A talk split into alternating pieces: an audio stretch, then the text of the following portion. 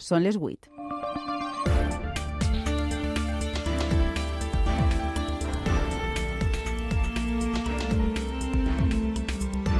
A punt. Les notícies de la nit. Amb Alba Requejo. Bona nit. Decretada presó provisional comunicada i sense fiança per al presumpte assassí de Rocío, de 44 anys, la primera víctima mortal de la violència de gènere del 2024 a la comunitat valenciana. El detingut de 52 anys l'hauria assassinada a ganivetaders al domicili que compartien, a l'Alfàs del Pi. També se l'imputa delicte per maltractaments. Ell esta vesprada s'ha acollit al dret de no fer declaracions i només ha contestat a les preguntes del seu advocat. L'exmarit de la víctima i pare dels dos fills que tenien en comú s'ha personat en la causa com a acusació particular. La Generalitat ho ha fet com a acusació popular. De seguida els donem més detalls d'esta i d'altres informacions que protagonitzen la jornada. Herminio Lozano està al control tècnic, José Soler en la redacció i els titulars. José, bona nit. Bona nit. Per davant, 25 minuts d'actualitat. Anem amb tot.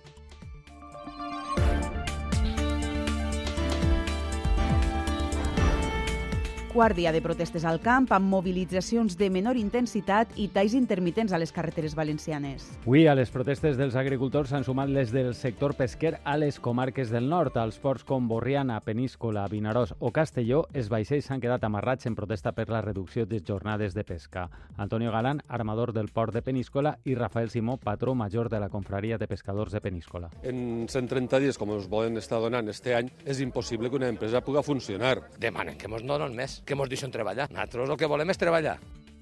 Polèmica amb la celebració de la mascleta a Madrid el pròxim diumenge, el dia 18 de febrer. L'oposició en l'Ajuntament Madrid ha criticat esta disparada i el govern de l'Ajuntament de València exigís que rectifiquen. Escoltem Rita Maestre, de Més Madrid, i Juan Carlos Caballero, portaveu de l'Ajuntament de València. La fauna de nuestra ciudad, de, de los pájaros, de los animales que van a verse más afectados por un evento de estas características, es decir, una lamentable idea. Madrid Río es el peor lugar del mundo para poner una montaña de petardos. Calificar a la mascletada de montaña de petardos y de idea pésima y absurda es un insulto intolerable a la cultura valenciana y a una fiesta que es patrimonio inmaterial de la humanidad. Israel ordena evacuar Rafah en la frontera amb Egipte perquè té la intenció d'estendre la seva ofensiva militar en esta zona, on hi ha més d'un milió de persones refugiades. El govern israelià justifica la intervenció militar per a erradicar la presència de Hamas a la zona. Les ONGs alerten que una operació militar provocaria un bany de sang entre la població i un col·lapse de la resposta humanitària.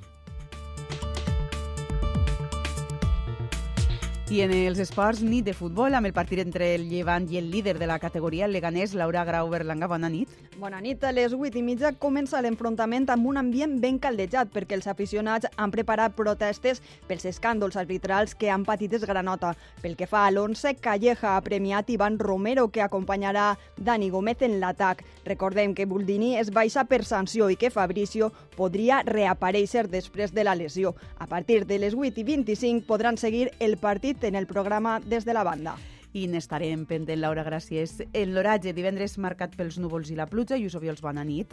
Eh, encara plou, encara plou. Quines han sigut les quantitats més destacables que de moment s'han arreplegat?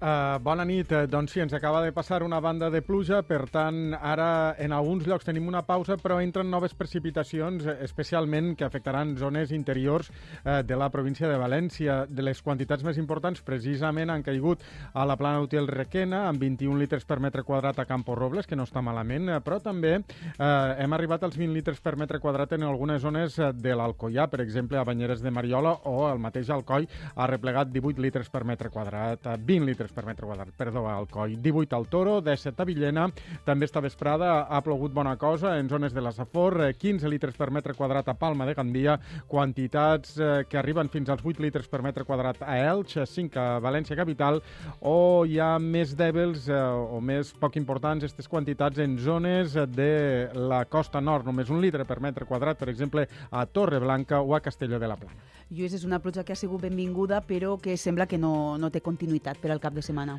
Eh, doncs encara durant les pròximes hores esperem alguns ruixats en zones interiors. Demà al matí podria ploure, especialment en zones interiors del nord. De vesprada algun ruixat a l'interior de la província de València, però vaja, eh, la precipitació més abundant i més general com hem tingut avui, demà para, el que serà molt destacable demà serà el vent. Atenció al vent de ponent. Bufarà entre fort i molt fort a tot arreu. Ratxes que superaran els 100 km per hora interior de Castelló. També atenció a les ratxes al nord de la província d'Alacant. Eh, de vesprada anirà fluixant un poquet, però no donarem per acabat este episodi de fort vent fins diumenge. Per tant, ens queden unes 24-36 hores de vents molt forts. Demà, com diem, amb precipitacions en general dèbils en zones interiors i diumenge sí que sembla que, sobretot a partir de migdia, eh, tornaria a entrar una banda de pluges que afectaria especialment zones interiors eh, del centre i del sud. Seran precipitacions poc importants, amb un descens a la temperatura. Diumenge serà un dia de ple hivern, però sembla que la pròxima setmana torna a pujar el termòmetre, tornarem a arribar als 20 graus. Gràcies, Lluís. Escoltes a punt. Les notícies de la nit.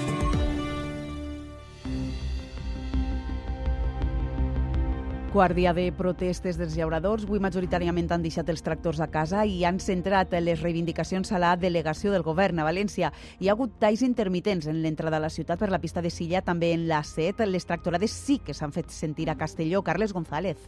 Els ha sigut impossible entrar amb tractors al centre de València fins la delegació del govern. Per això, a peu i amb xupetins gros, uns 150 llauradors han registrat un manifest amb les seues reivindicacions. No estava la delegada del govern, però tenen una consigna clara.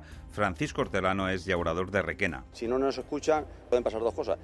Que no paramos de manifestarnos o que al final no llegue la comida a la casa de todos porque nosotros no la produzcamos. Hi ha hagut també talls de vies molt transitades. A primera hora del matí, a l'entrada de València per la pista de Silla, només han deixat un carril lliure i hi ha hagut retencions importants. També s'han produït xicotets talls a l'A7 a l'altura de Massalavés. Les tractorades sí que s'han vist a Castelló en diferents punts. No pensen donar treva. Sergio Ortiz, un llaurador de Benicarló. I tenim que arribar hasta el final, hasta que poguéssim. Ja és el, el tema és insostenible. També una decena de tractors s'han concentrat a Sant Isidre Alacant a l'entrada d'un polígon industrial blindat per la Guàrdia Civil. Eh, les protestes dels agricultors s'han repetit en diferents punts d'Espanya, han provocat talls de carreteres i retencions, com així a la Comunitat Valenciana. Centenars d'agricultors han eixit de nou, així amb els tractors, José. Han protestat per carrers de Sevilla o Bilbao, entre altres. Han sigut marxes més relaxades que les d'ahir, on es van viure moments de tensió a punts com Pamplona, on de nou han tornat avui els agricultors per a reunir-se amb el govern de Navarra. Les reivindicacions arreu de l'Estat són comunes. Estamos cansados porque trabajamos 365 días y no sabemos el futuro que vamos a tener mañana. A ver si podemos conseguir algo. Sí, estamos enfadados porque no, no se nos valora lo que estamos haciendo. Altre sector que està en peu de guerra és el pesquer de les comarques del nord. Avui els vaixells d'arrossegament de Vinaròs, Benicarló, Peníscola, Castelló i Borriana s'han quedat armats al port en senyal de protesta. Volen mostrar així el seu rebuig a la intenció de la Unió Europea de reduir a 119 les jornades de pesca l'any 2024, un 23% men menys que l'anterior. Una davallada d'hores que qualifiquen d'inassumible per a viure dignament de la pesca i acabar amb la competència deslleial de països tercers. Escoltem Antonio Galán, armador del port de Peníscola, i a Francisco Querol, patró major de la Confraria de Pescadors de Castelló.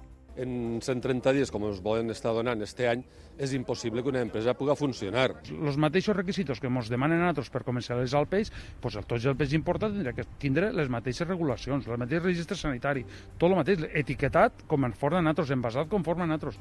Les organitzacions pesqueres decidiran la pròxima setmana si s'adhereixen i de quina forma a les protestes agrícoles contra les polítiques de la Unió Europea i la crisi del sector primari. Les confraries mantindran reunions les pròximes setmanes amb el govern espanyol per intentar augmentar els dies de treball. Sobre les protestes del camp ha parlat a Requena el president de la Generalitat, que ha mantingut una trobada improvisada amb un grup de llauradors a les portes de la mostra de l'embotit que s'inaugurava este migdia. Carlos Mazón ha anunciat que reunirà dimarts que ve amb totes les associacions d'agricultors de la comunitat valenciana al Palau de la Generalitat. El president ha dit als llauradors que entén les seues protestes que la Generalitat farà el màxim esforç per ajudar-los i que ha augmentat un 13% les ajudes a les assegurances. Pues vamos a seguir exprimiendo nuestro presupuesto, nuestras competencias, nuestro apoyo y nuestra promoción, que lo estamos haciendo. Pero solos no podemos. El martes que viene tengo una reunión con los colectivos y las asociaciones eh, agrarias en la comunidad valenciana.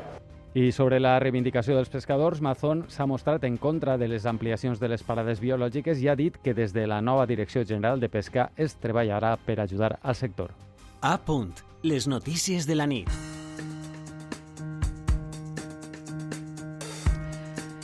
Presó provisional per a l'home acusat d'assassinar a ganivetades la seva parella sentimental a l'Alfàs del Pi. Així ho ha decretat esta vesprada el titular del jutjat de violència sobre la dona número 1 de Benidorm, Teresa Coll, bona nit. Bona nit. A primera hora de la vesprada, al Palau de Justícia de Benidorm s'ha acordat l'ingrés en presó comunicada i sense fiança per a l'acusat d'assassinar la seva parella a l'Alfàs del Pi. El detingut ha sigut traslladat al centre penitenciari de Fontcalent. Segons ens ha confirmat la defensa, l'acusat s'ha acollit a no fer declaracions i només ha contestat a les preguntes preguntes del seu advocat sobre les seues addiccions i ha confirmat que es troba en tractament psiquiàtric. Alejandro da Pena és l'advocat del detingut. El mismo nos ha respondido que sí, que efectivamente se encontraba en tratamiento psiquiátrico y por adicción de sustancias estupefacientes desde el año 2009 y que es consumidor habitual desde el año 2000. L'acusat no s'ha reconegut com a autor del crim i en les pròximes setmanes es durà a terme una investigació per determinar com van ocórrer els fets. Una solicitud por parte de la defensa de una un examen forense del mismo. Asimismo van a llevarse a cabo posiblemente la reconstrucción de los hechos y también testificales varias. Al tractar-se d'un fet consumat, el xui es celebrarà amb jurat popular i la pena podria incrementar-se a causa de la relació sentimental entre el presumpte assassí i la víctima. La pena se puede disparar en atención a que concurre el agravante de parentesco. L'arrestat també està investigat per maltractament a la víctima amb anterioritat a l'homicidi.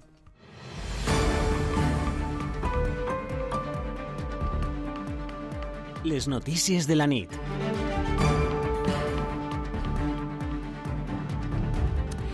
Són les 8 i 11 minuts. Anem amb la política. Creix la polèmica al voltant de la mascleta prevista per al pròxim 18 de febrer a Madrid. José. Sí, perquè des d'esta mateixa ciutat arribaven les primeres crítiques. La representant de Més Madrid a l'Ajuntament, Rita Maestra, Ma Maestre, ho qualificava ahir de pèssima idea i criticava la ubicació escollida. També la socialista Reyes Maroto se situava en contra. En un entorno protegido entre la Casa de Campo y Madrid Río, un entorno donde eh, se concentra una parte importante de la fauna de nuestra ciudad, de, los pájaros, de los animales que van a verse más afectados por un evento de estas características, es decir, una lamentable idea. Madrid Río es el peor lugar del mundo para poner una montaña de petardos a sonar allí. Nosotros creemos que los madrileños no tienen que pagar la fiesta eh, porque el Partido Popular haya ganado las elecciones en Valencia. La celebració d'esta mascletà, recordem, va ser una promesa de l'alcalde José Luis Martínez Almeida a María José Català quan encara no era alcaldessa de València.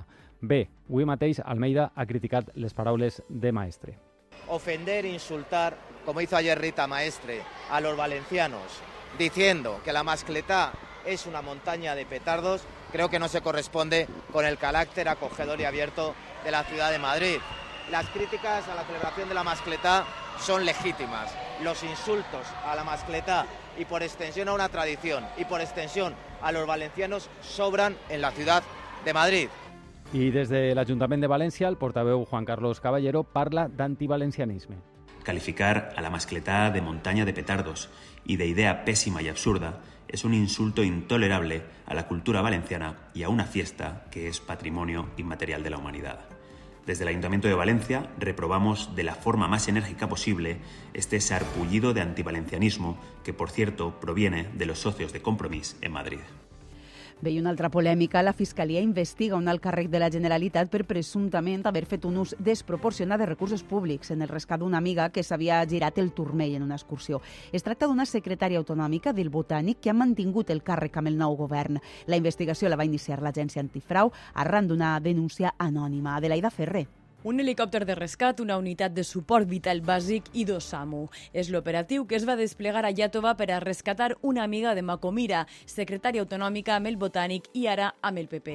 Antifrau creu que Mira va telefonar per a demanar la intervenció i després d'analitzar les converses d'aquell dia, considera que hi va haver un ús abusiu de recursos públics.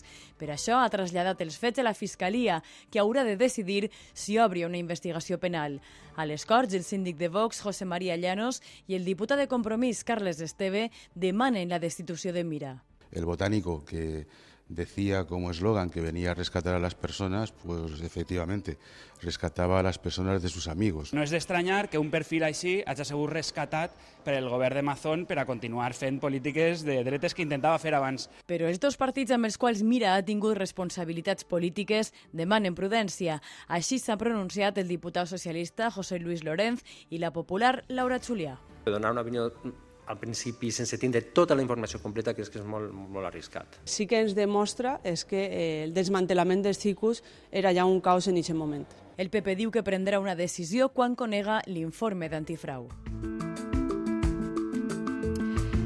Esta vesprada hem sabut que Luis Ramírez, l'exmarit de Mònica Oltra, condemnat per abusos a una menor tutelada, ha sol·licitat que s'ajorni el seu ingrés en presó fins que el Tribunal Constitucional resolga el recurs d'empara que ha interposat. L'ingrés està previst per al pròxim dia 16 de febrer, però l'advocat de Ramírez considera que no hi ha risc de fugida i que, per tant, cal esperar la decisió del Constitucional.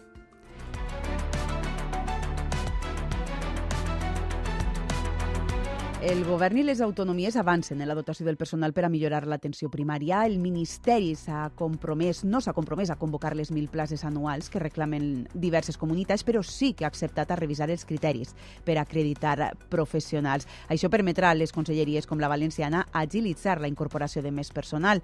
És una crònica de Xavier García del Valle. Les dues parts han eixit satisfetes del Consell Interterritorial celebrat avui a Madrid. S'ha acordat revisar els criteris d'acreditació de professionals i això agilitzarà i ampliarà les incorporacions. I a més, el Ministeri s'ha compromès a buscar fórmules perquè els MIR presten atenció també en estiu. Per al conseller valencià, Marciano Gómez, són avanços, tot i que no s'ha arribat a la reivindicació bàsica. Y nuestra reivindicación, mi reivindicación desde que asumí la responsabilidad de conseller de Sanidad, es la formación de más de mil médicos de familia más en cada formación, en cada eh, convocatòria de Mèdicos Mil. La ministra Mònica García ha insistit que, a més de l'acreditació de professionals, les comunitats autònomes han de garantir bones condicions laborals per evitar les fugues de personal ya format. Y vamos a ayudar y vamos a estar codo con codo con las comunidades para ver dónde podemos sacar más plazas siempre y cuando respetemos la calidad.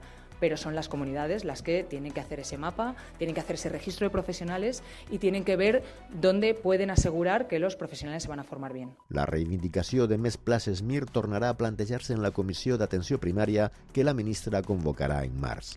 Encara en política valenciana, l'oposició ha denunciat avui pressions de la Conselleria d'Educació contra ajuntaments perquè renuncien a construir escoles i instituts projectats dins del pla edificant per l'anterior govern. Han anunciat actuacions conjuntes i diuen que estaran vigilants. José Luis Lorenzo, del PSPB, i Gerard Fullana, de Compromís. De la Conselleria d'Educació és un autèntic caos. I què volen fer? Desfer tot el que va fer el govern de Ximo Puig, el govern del Botànic, tots els partits populars d'estos 12 pobles contradiuen la versió de Carlos Mazón. Diuen que estos, estes obres són necessàries per als seus pobles. El conseller d'Educació, José Antonio Rovira, ha negat que existisquen retards i diu que només ha anul·lat una ampliació que el govern del Botànic va fer quan ja estava en funcions i que, segons ha dit, només beneficiava ajuntaments governats per l'esquerra. Aquí no hay ningún tipo de retrasos. Lo único que hicimos fue eh, anular un acuerdo de ampliación de ese plan que desde nuestro punto de vista, y así lo estima la abogacía de la Generalitat, era ilegal. Y era un acuerdo que se firmó estando el gobierno del Botánico en funciones ya y solo ampliaba el edificant a ayuntamientos gobernados por el Partido Socialista y Compromís. A Castelló de la Plana s'ha viscut un ple extraordinari tens sobre les 167 multes acumulades pel regidor de Mobilitat Cristian Ramírez, que avui ha comparegut per a donar explicacions. Nerida Sarrión, Castelló. Sí, ha demanat perdó per una actuació que ha qualificat de poc ètica, però ha insistit que ha pagat totes les multes i no pensa dimitir. Ramírez ha equiparat la sanció a no passar la ITV o tirar una punta de cigarret a terra. Cristian Ramírez no ha cometido ningún delito, sino una infracción administrativa comparable con la que se te pase la fecha de la ITV, tirar una colilla al suelo o no llevar luz en la bicicleta. Unes explicacions que no han satisfet l'oposició que ha demanat la dimissió del regidor popular. Patricia Puerta és la portaveu socialista Ignasi García de Compromís. Cualquier vecino o vecina en esta situación, además de pagar sus multas, tendría un despido disciplinario. Què pensava, que fent-se longuis no li arribaria? Perquè quan li ficaven la sanció de 5,25 euros per no pagar l'euro, li advertíem de la multa que vindria. El regidor ha denunciat que està vivint una cacera injustificada contra ell i ha anunciat que ha posat una denúncia per revelació de dades personals. Nereida, eh, perquè este matí a Castelló hi ha hagut un altre ple extraordinari. A l'Ajuntament, el govern municipal format per PP i Vox ha reprovat l'anterior alcaldessa, la socialista Amparo Marco. Per què? Doncs és perquè l'exalcaldessa Amparo Marcó va encarregar una escultura del pregoner de les festes de la Madalena amb la cara d'un membre de les llistes socialistes, Xema Prades. El nou govern ha d'adquirir l'obra, que val 130.000 euros i que encara no s'ha pagat a l'artista. La regidora de Cultura, Maria Espanya, ha qualificat la gestió cultural de l'exalcaldessa de negligent i ha culpat a les files socialistes d'encobrir-la. D'altra banda, Patricia Puerta, la portaveu socialista, ha dit que el govern municipal no té competència per a reprovar a Marco. Ustedes son tan culpables como Amparo Marco de lo sucedido, porque todos ustedes estaban al corriente de la maniobra y la taparon. Su gestión cultural ha acabado en Alcantarilla, que es un pueblo muy hermoso, por cierto, y que poco o nada tiene que ver con ustedes y con sus cloacas. Pero no se puede reprobar a una senadora en un pleno de un ayuntamiento o a una exalcaldesa que ya no forma parte de esta corporación. Portaveu socialista ha qualificat el ple de farsa amb l'objectiu de tapar l'escàndol de les multes acumulades el regidor de Mobilitat, Cristian Ramírez, i des de les files populars han responsabilitzat Marco de deixar en fallida a sis famílies que treballen al taller de l'artista murcià Jere. Nereida, gràcies. A punt. Les notícies de la nit. Acaba sense acord la primera reunió per a negociar la lletra menuda de l'últim ERTO plantejat per al Musafes. Hi ha discrepàncies, José, en la durada i en la quantitat del personal afectat. Sí, Alba, perquè l'empresa vol que s'apliqui a 750 persones durant dos mesos i mig, fins al 30 d'abril. Des d'UGT volen que s'acabe amb que acabe el 28 de març i que afecte 500 treballadors. L'altre sindicat amb representació, STM Sin- Intersindical, recorda que la plantilla ja ha perdut prou d'un 10% de poder adquisitiu per l'acord d'electrificació i que no acceptaran un acord que no incloga una compensació del 100% del salari i un compromís de complement del subsidi consumit en cas de que el treballador o treballadora afectat deixe de formar part de la plantilla. Dilluns que ve reprendran les negociacions. Altre conflicte laboral el protagonitzen les CITB de la província d'Alacant. Faran vaga el 13 de febrer. I la parada repetirà cada dimarts i dijous fins el dia 27, per- quan s'estendrà a totes les instal·lacions de la Comunitat Valenciana. Reclamen el cobrament de l'equiparació salarial acordada amb la Generalitat després de la reversió d'este servei a la gestió pública. Des de la Conselleria d'Indústria han expressat la voluntat de complir amb l'acord el més prompte possible. Per cert que avui ha sigut el primer dia de vaga convocada per la plantilla de Renfe i Adif, que ha xifrat el seguiment en un 3%. Víctor Vidal. Les empreses parlen de normalitat i d'un seguiment baix, mentre que els sindicats els situen en un 75% de la plantilla convocada. En Rodalies, en les hores punta, els serveis mínims han funcionat al 75%. Fora d'este horari, el servei ha quedat reduït a la meitat. Esta vesprada, a l'estació del nord de València s'han viscut moments de gran afluència a les andanes amb gent que no ha pogut pujar-se als trens i altres que han hagut d'esperar més de l'habitual perquè quan arribaven comprovaven que el seu tren havia sigut cancel·lat. N'hi havia un tren a les 5 i mitja, crec, i hem vingut a este, però no estava, l'han cancel·lat. Després n'hi havia un altre a les 6 i quart, també l'han cancel·lat. Pues mira, per culpa de, de perdre el tren i ara l'altre no n'hi ha, arribarem a casa a les 9 de la nit. Fer l'intento d'entrar, estava ple, eixir, ara mitja hora més. La veritat és que he fastidiat prou perquè o vetes que replegar els xiquets o vas al treball i no, i no plegues. Pel que fa a la llarga i mitja distància, no han circulat 23 trens dels 70 diaris. La vaga pretén desbloquejar els acords sobre la implementació de la jornada de 35 hores i l'eliminació de les categories d'accés en l'operador ferroviari. Les notícies de la nit. Israel ignora la comunitat internacional i prepara l'evacuació de més d'un milió de persones de Rafah per a erradicar per complet Hamas. Diverses ONG alerten que una operació militar provocaria un bany de sang entre la població i un col·lapse de la, de la resposta humanitària. Arturo Monedero. Israel ordena un pla per evacuar els civils de Rafah. El govern explica que la incursió militar terrestre és necessària per erradicar Hamas. Asseguren que és l'últim bastió, on encara queden quatre batallons dels milicians. Netanyahu s'alinea amb l'extrema dreta del país, que es concentra a les portes de l'oficina del primer ministre per augmentar la pressió. Tel Aviv es desentén de la comunitat internacional, inclosos els Estats Units, el seu principal aliat, que assegura que no els donaran suport perquè una operació militar seria un desastre per a la població palestina. Mentrestant, l'Iran acusa a Israel de tractar d'arrossegar als nord-americans al pantà de la guerra a l'Orient Pròxim. Les notícies de la nit. En agenda per al cap de setmana, dos propostes. La Fira de l'Embotí de Requena, que obri les portes, eh, és referent del turisme d'interior, fa l'edició número 29. Podran trobar productes de qualitat elaborats de manera artesanal. Mm, longaniza, me encanta la longaniza. El que tiene color rojo es el que más me gusta. Como que tiene ese picantito. Farem un poc de gasto, s'endurem un poc d'embotit a casa i au. I una altra proposta, demà, la dels Goya, Sarai Rodríguez, valenciana, podria aconseguir el segon com a millor maquillatge. És una maquilladora de la Rioja, però ha desenvolupat la major part de la seva carrera professional així. Va viure més de 17 anys a la capital. Enguany la nominació li arriba per la pel·lícula Valle de Sombras. Ha parlat amb ella, Maje Jorge.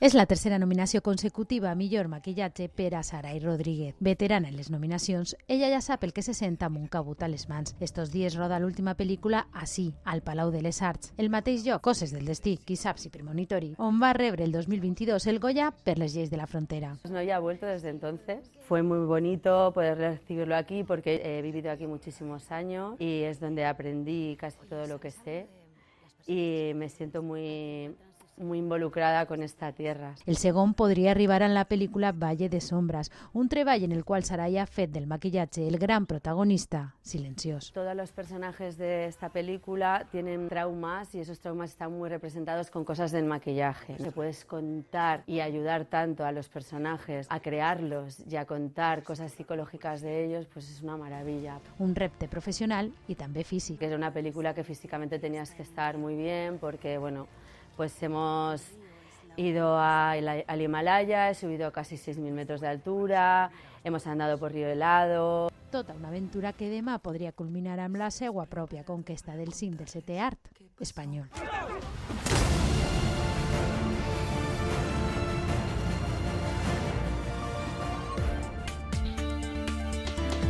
Estem ja xafant el temps dels esports, així que no dilatem més. Les notícies de la nit torna dilluns. Es queden amb des de la banda. Adeu.